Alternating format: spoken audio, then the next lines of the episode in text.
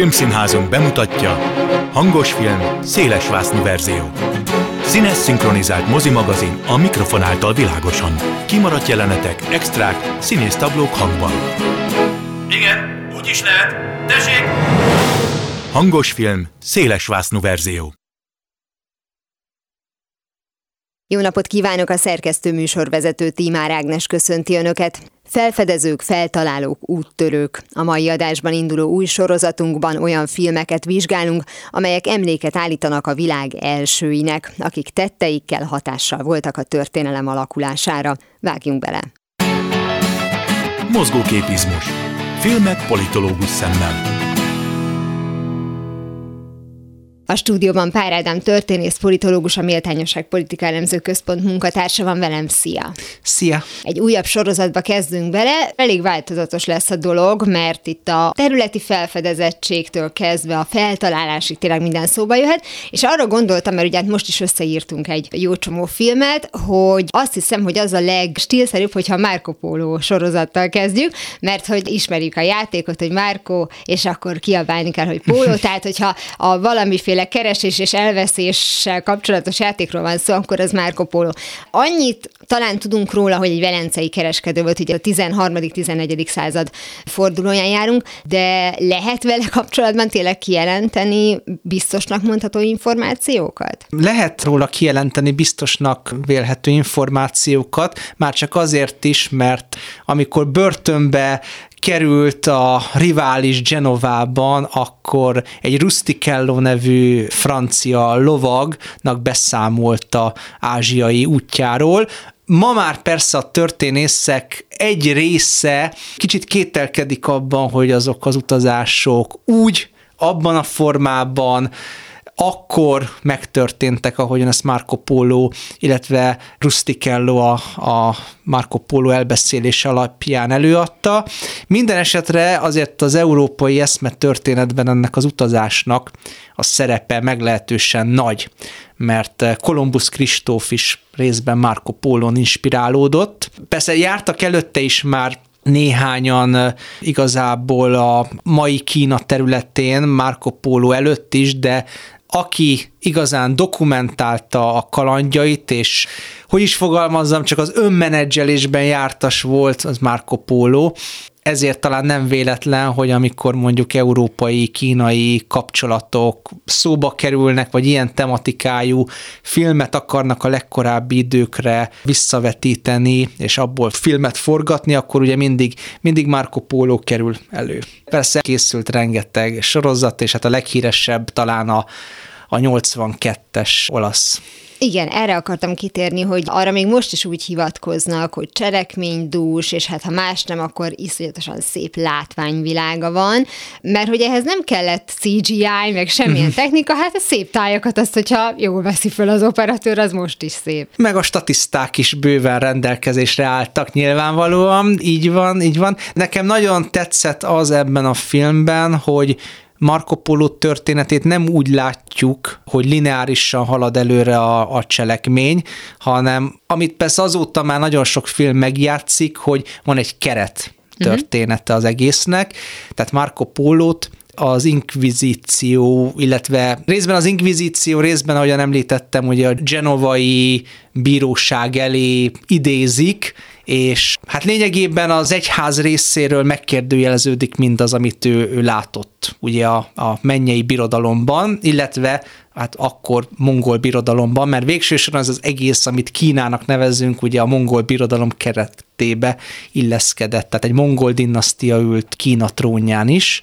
és hát megkérdőjeleződött az, hogy a távoli keleten egy ilyen kultúra és egy ilyen szervezett birodalom lehetséges, nyilván ebben a korabeli Európának, vagy a keresztény világnak, vagy a nyugatnak, hívjuk most akárhogyan, az önképe a, az egocentrizmusa játszott közre. És akkor Marco Pólónak a történetét ebből a keret történetből kibontva ismerjük meg, aztán végül annyira sikerül meggyőznie az őt kihallgatókat, hogy ugye mondja a pap, aki kihallgatja, hogy hát annyira föllelkesedett most ezen a történeten, hogy elhatározza, hogy elmegy Ázsiába megismertetni az ott élő népeket Krisztus igéjével, és valóban el is indult ez a szerzetes aztán később. Általában ezek szoktak lenni a megoldások ebben az időben, nem? Tehát találnak egy új helyet, és akkor azt mondják, hogy na, akkor hol kezdjük el az igét hirdetni. Igen, de előtte mondja Marco Pólónak, hogy Mohamed, Buddha, Konfucius, ezek a hitetlen filozófusok lényegében semmit nem érnek, meg ugye ez a sátánnak különböző nevei, de aztán innen eljut oda, hogy azért mégiscsak legalábbis a, ezeket a vallás alapítókat elfogadó embereket, legalábbis, mint a jövőbeli kereszténység alanyait azért elkezdi megbecsülni. Ugye ez egy minisorozat volt, Igen. tehát ez nem egy film volt, és ahogy te is említetted, egy írott anyagra támaszkodik, ahogy minden egyébként Márko Polóval kapcsolatos történet. Ezt egyébként a történészek akkor hitelesnek szokták találni, tehát nekik elég az, hogy egy valaki leírta, mert oké, okay, hogy Márko Póló nagyot mondott, és ilyen Hári János módjára itt jártam, meg uh-huh. ott jártam, de hát azért itt ugye két személy van, mert aki lejegyezte, annak is lehet, hogy mondjuk kicsit élénk volt a fantáziája. Tehát én most csak azt mondom, hogy ez elegendő ahhoz, hogy ahhoz, hogy legenda szülessen nyilván, de uh-huh. ahhoz, hogy mondjuk így újra és újra megihlesse akár a filmeseket, meg a történészek uh-huh. is természetesen uh-huh. bizonyos részeit alapvetésnek vegyék, ahhoz elegendő? A történészek egy része ma már tamáskodik, hogy Marco Polo egyáltalán a Krímfélszigetnél járt-e keletebbre, mert hogy ebben az időszakban a Krím félsziget is, tehát a mai Ukrajna, Oroszország területe a mongol birodalom része volt, mutatis mutandis, tehát lényegében véve a mongol birodalom volt az, amelyik igazán Ázsiát meg Európát úgy, úgy először összekapcsolta a világ történelemben, és hát Marco Polo meg szimbolikusan összekapcsolta a mongol birodalmat Európa centrumával, Itáliával, Nyilvánvalóan ez a kultúrközi kapcsolat az, ami miatt az ő története leginkább érdekes, és azt kell mondjam, hogy a legendásítás ebben pont, hogy nem egy hátrány, hanem egy előny. Lehet, hogy sokkal kevésbé lenne népszerű egy olyan felfedező, akiről több forrás, több dokumentum, akár magában, Kínában, Mongóliában, Sri Lankán, Indiában, mert hogy mindezeken a helyeken járt, állítólag rendelkezésre állna. Így viszont ugye szabadon tudják a filmrendezők kanyarítani az ő történetét jobbra-balra. Láttam egyébként egy Marco Polo csodálatos kalandjai című nem éppen csodálatos amerikai filmet, ami borzalmas volt. A ókori gladiátor viadalokat sikerült adaptálni például az arab világba, igen, hát alternatív valóságok is léteznek természetesen, de hát ez mutatja azt, hogy Marco Polo esetében a legendásítás működik, és önmagukat tartják fenn ezek a legendák. Az az, az alkotó szándéka volt, egy alternatív valóság be, bemutatása, az, az végül is, az úgy, rend, az úgy rendben van, nem biztos persze, hogy Marco Polo nevét kellett volna Igen. választani. Úgy látszik az ő nevével mindent el lehet adni, vagy legalábbis a film elkészültekor el lehetett adni. Egyébként amiben még a 82-es olasz sorozat szerintem nagyon jó, hogy hát nagyon jól bemutatja magát a Kubilajkánnak az udvarát, és az egész mongol közigazgatást, a hadszervezetet, illetve nagyjában egészében a, a mongolokkal kapcsolatban álló népeket, azoknak a kultúráját is igyekeznek a filmben, amennyire az lehetséges, realisztikusan bemutatni. Például nagyon nagy hangsúly helyeződik a legendás Cipangu szigetére, amelyik Kínától keletre terül el, ez ugyebár Japán, amit kétszer is megpróbálnak a mongolok elfoglalni, egyszer a szamurájok, második esetben pedig az isteni szél, a kamikáze szórja szét a mongol hadat, és ezt például úgy interpretálják a filmben, hogy van egy hadifogoly japán harcos, aki vak, és Marco Polo igyekszik megtudni tőle, hogy hát mi a, mi a nagy titka az ő népének, hogy lám a mongolok, akik annyi népet meghódítottak, nem bírtak ezzel a szigettel, és azt mondja a harcos, hogy igen, van rengeteg ellentét, ami keresztül kasul szabdalja a mi társadalmunkat, de csak a saját uralkodónkat vagyunk hajlandók elismerni, és hogyha külső ellenség támad, akkor mindannyian készek vagyunk összefogni ellene. Hát, mint látható, azért ez olykor a természeti beavatkozás is szükséges. Szóval, hogy a különböző kultúrákat, azokat igyekezett tőle telhetően a film bemutatni. Ezzel át is kanyarodnék egy már említett figurára, Kolumbusz Kristófra, mert hogy azt mondtad, hogy egy kicsit Marco Pólót követve, vagy mondjuk az ő nyomdokain indult el, és azon gondolkoztam, hogy felfedezőnek mondható az, aki tök máshol köt ki, mint ahova akart menni, de aztán azt mondja, hogy hát úgyis ez is új világ, tehát oké, okay, ja, hát igen, ugye ha már Cipangus szigetét említettem, akkor Marco Polo nyomán Kolumbusz Kristófnak ugye ez volt a nagy terv, hogy eljusson ezekre a szigetekre, meg helyekre, amelyekről egy másik itáliai, jelesül Marco Polo írt, és hát ugye Kolumbusz Kristófnak most nem menjünk bele a történetébe, mert mondjuk ezt nagy vonalakban azért Magyarországon a közoktatás és pont a filmek alapján azért ismertnek kell tekintenem. Annyit azért megjegyeznék, hogy az ő esetében nagyon sok a fehér folt, mert a hivatalos 1451-es születést és a genovai születést is megkérdőjelezik nagyon sok esetben. Szinte nincs a mediterráneumnak olyan népe, amelyel kapcsolatban hozták volna Kolumbusz, tehát volt ő már spanyol, azon belül kasztíliai, katalán, baszk, galego, itáliai, szefárzsidó, görög, tehát minden meg mindennek az ellenkezője. Sőt, Végül úgy is kiderül, hogy magyar volt. Igen, sőt, ezt akartam mondani, hogy, hogy akik mindenütt magyart keresnek, Skitiától kezdve, azok is megnyugodhatnak, mert van ilyen elmélet is, sőt, egyesek szerint ő a Várnánál állítólag elesett, hát tudjuk, hogy elesett, de hogy állítólag a csatát túlélt első Jagelló László magyar király lett volna, tehát minden, mindenféle elméletre van példa. Ezt nem tudjuk, viszont azt tudjuk, hogy 1492. szeptemberében elindult három hajóval, a katolikus királyok, Kastília Izabella és Aragóniai Ferdinánd megbízásából ugye a nyugati vizeken Ázsia irányába, hát ő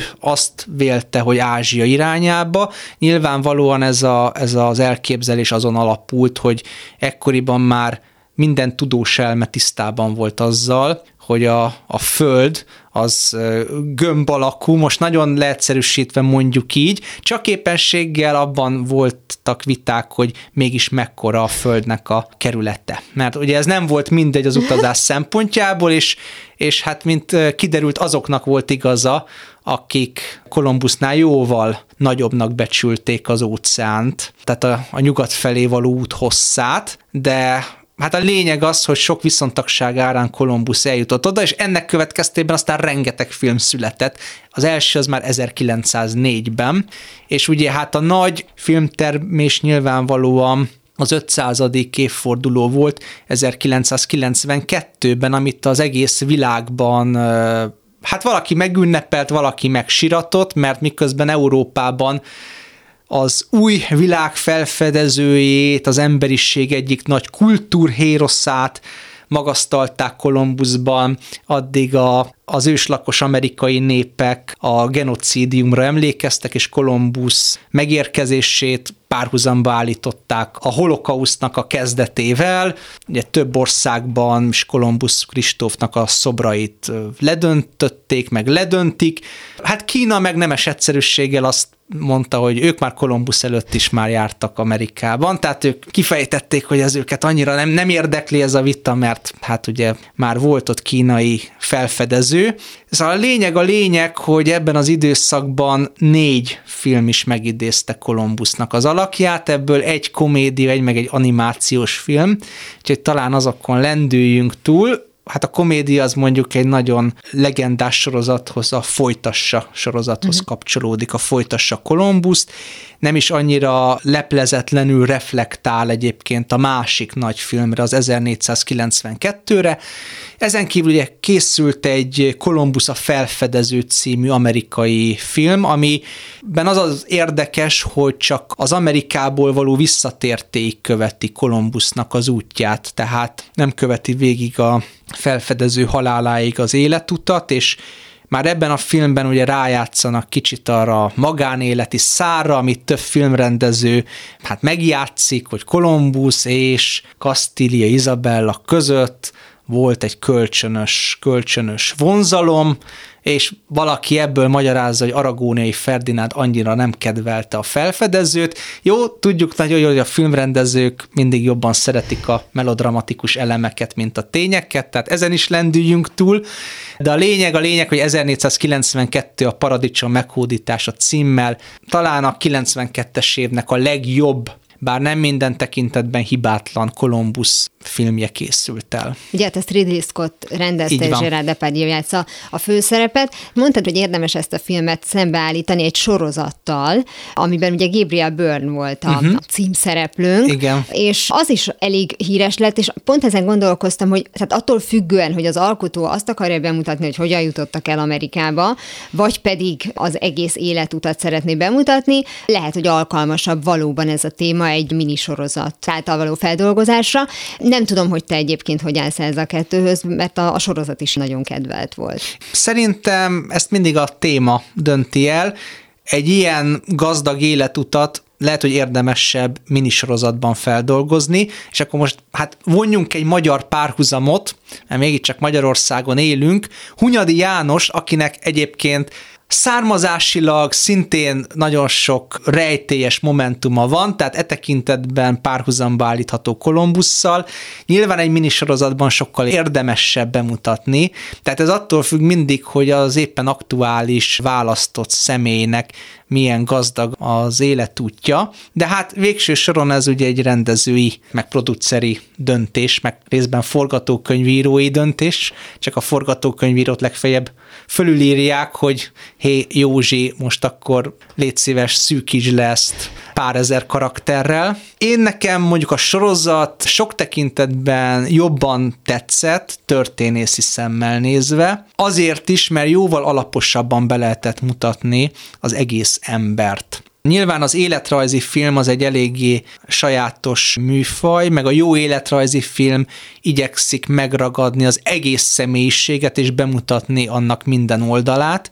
Ezért van az talán, hogy ezt a filmet nagyon sokan kicsit a sötét tónusa miatt is bírálták. Tehát Columbus ebben nem egy kultúrhérosz, aki összekötött két világot, átnyúlva az óceánon, és mint egyfajta ilyen isteni küldött összeköti egymással a civilizációkat, hanem ez a film azért bemutatja azt is, hogy Kolumbusz hát emberként is, meg kormányzóként nem állt a helyzet magaslatán. A sorozatban egy jóval pozitívabb mhm. elbírálást kapott Kolumbusz.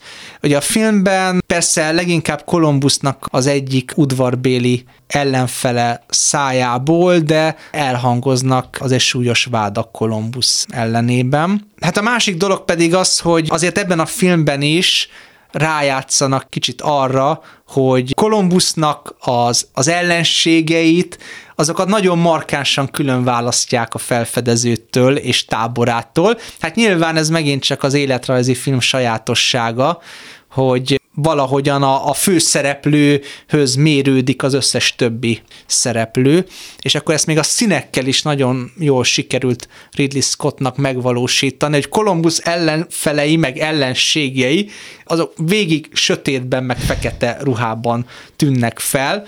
Columbus és a hívei meg általában mindig világos szint viselnek, tehát ilyen nagyon, nagyon azt kell mondanom, hogy nagyon fajék egyszerű szimbólumrendszerrel, és jelzi a, a rendező, hogy kinek kell most itten drukkolni.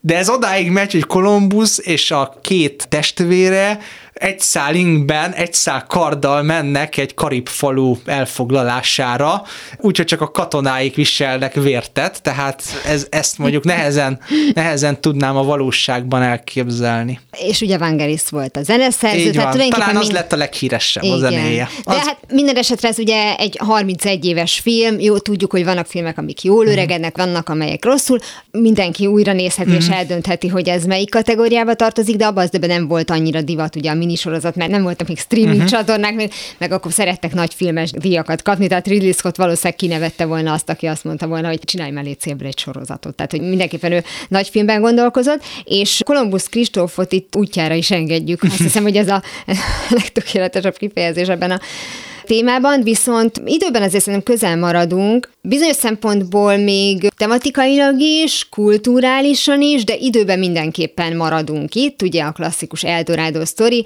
Ágír Isten haragja, ez egy 72-es NSK perui film, úgyhogy senki ne lepődjön meg, hogy Klaus Kinski játsza uh-huh. a címszereplőt.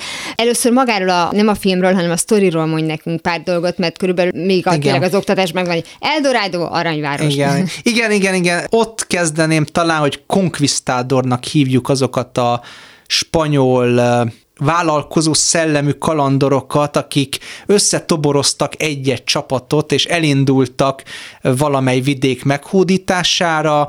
Nyilván ez egy gazdaságos megoldás volt a, a spanyol király szempontjából, hogy akadtak kellőképpen kalandvágyó és kellőképpen gátlástalan emberek, akik készek voltak a kígyóktól, vadállatoktól, szunyogoktól, hemzsegő őserdőkön, ellenséges indiánokon keresztül vágni magukat a remélt gazdagságig, és ezáltal gazdagítani nem csak magukat, hanem lehetőség szerint Spanyolországot is és hát a nagyon sok ilyen gátlástalan konkvisztádor közül ezt a bizonyos Agir nevű úriember tartják a, az egyik legmeghatározóbbnak, tehát ő rá nagyon gyakran szoktak úgy hivatkozni, mint a konkvisztádorok barbárságának a, a szimbólumára de ha még lehet egy kicsit visszasasszézni, egy fél sasszét tenni azért az 1492-höz, hogy ez a karakter abban a filmben is megjelenik, uh-huh. tehát Kolumbusznak a egyik ilyen vérszomjas utitársa, majd, majd ellensége, Mószika, tulajdonképpen leképeződése az összes többi későbbi konkvisztádornak, Pizarrótól kezdve Agirig, tehát ugyanúgy gyűlöli az indiánokat, ugyanúgy eszköznek használja őket, és úgy bánik velük, mint hogyha puszta tárgyak lennének. De most ez nem állt nagyon távol a valóságtól, ahogyan az Bartolomé de Las Casas Dominicánus szerzetes és más szerzeteseknek a munkáiból ismerjük. És hát ez az Agir nevű úriember szintén elindul egy expedícióra, hogy megtalálja a legendás Eldorádót, menet közben pedig hát tulajdonképpen föllázad Spanyolország ellen, mert megöli az expedíció tisztjét, és hát kimondják, ugye van köztük egy szerzetes is, és hát kimondják, hogy elszakadnak úgymond a spanyol koronától, és új vezért választanak maguknak. Ez, ez a vezér, ez nem Agir, hanem egy másik ember, de aztán tök mindegy, mert őt is megölik és akkor hát ez az expedíció szépen, szépen lassan ö, fogyatkozik, nem csak az indián támadások miatt, hanem a vezér zsarnoksága miatt is, és aztán teljesen magára marad, és tulajdonképpen a sorsa ismeretlen, hogy mi történik vele, elvész a, az őserdőben, és ugye a legenda viszont megmarad, és tovább él, meg Agir brutalitásáról szőtt mendemondák is, amiből ugye egy nagyon nagyszabású történelmi filmet lehetett készíteni. Kicsit ezt úgy is érdemes nézni, ezt a, ezt a filmet, hogyha most elszakadunk a adott kortól, adott kultúrától, hogy ez a mindenkori kis és nagy zsarnokságok dinamikáját bemutató film. Tehát, hogy hogyan rendeli alá magát egy csoport egy vezetőnek. Nyilván ebben a, a nagy szent cél, nevezetesen a meggazdagodás, és mellékesen ugye a hit terjesztése, tehát ez a két nagy fanatizáló erő hat, de ugye kell hozzá a vezér is, aki itten kivág nem egy grandiózus szónoklatot, és tulajdonképpen terrorizálja lelkileg a expedícióban résztvevő katonákat. Hát milyen katonák voltak ezek? Lényegében ezek amatőr fegyverforgatók voltak, nagy részük kisnemes, aki meggazdagodni hmm.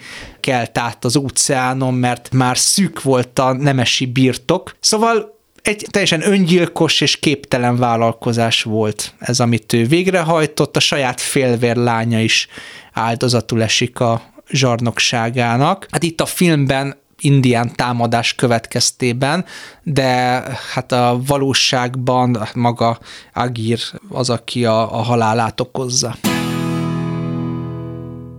A következő adásban folytatjuk a beszélgetést Pár Ádám történész politológussal a felfedezőkről, feltalálókról szóló filmekről. Új sorozatunkban a következő hetekben szó lesz két olyan alkotásról is, amely Marie Curie életét és munkásságát mutatja be. Beszélgetünk az Ammonita című filmről, amely két Winslet főszereplésével meséli el Mary Enning történetét, de az Amundsen című művet is bemutatjuk majd, amely feleleveníti Roald Amundsen expedícióját, hogy kiderüljön, miként érte el a világon elsőként a déli sarkot. Ez volt már a hangos film széles vásznú verzió. Legközelebb ismét szombaton délután fél kettőtől várom Önöket. Természetesen a korábbi adásokat, ahogy a mait is hamarosan megtalálják archívumunkban, valamint podcastként. Kövessenek minket a Facebookon, és ha még nem tették, iratkozzanak fel YouTube csatornánkra. Köszönöm a figyelmüket, a szerkesztő műsorvezetőt, Tímár Ágnest hallották. Viszont hallásra! Hangos film, széles vásznú verzió. Színes, szinkronizált mozimagazin. A mikrofon által világosan.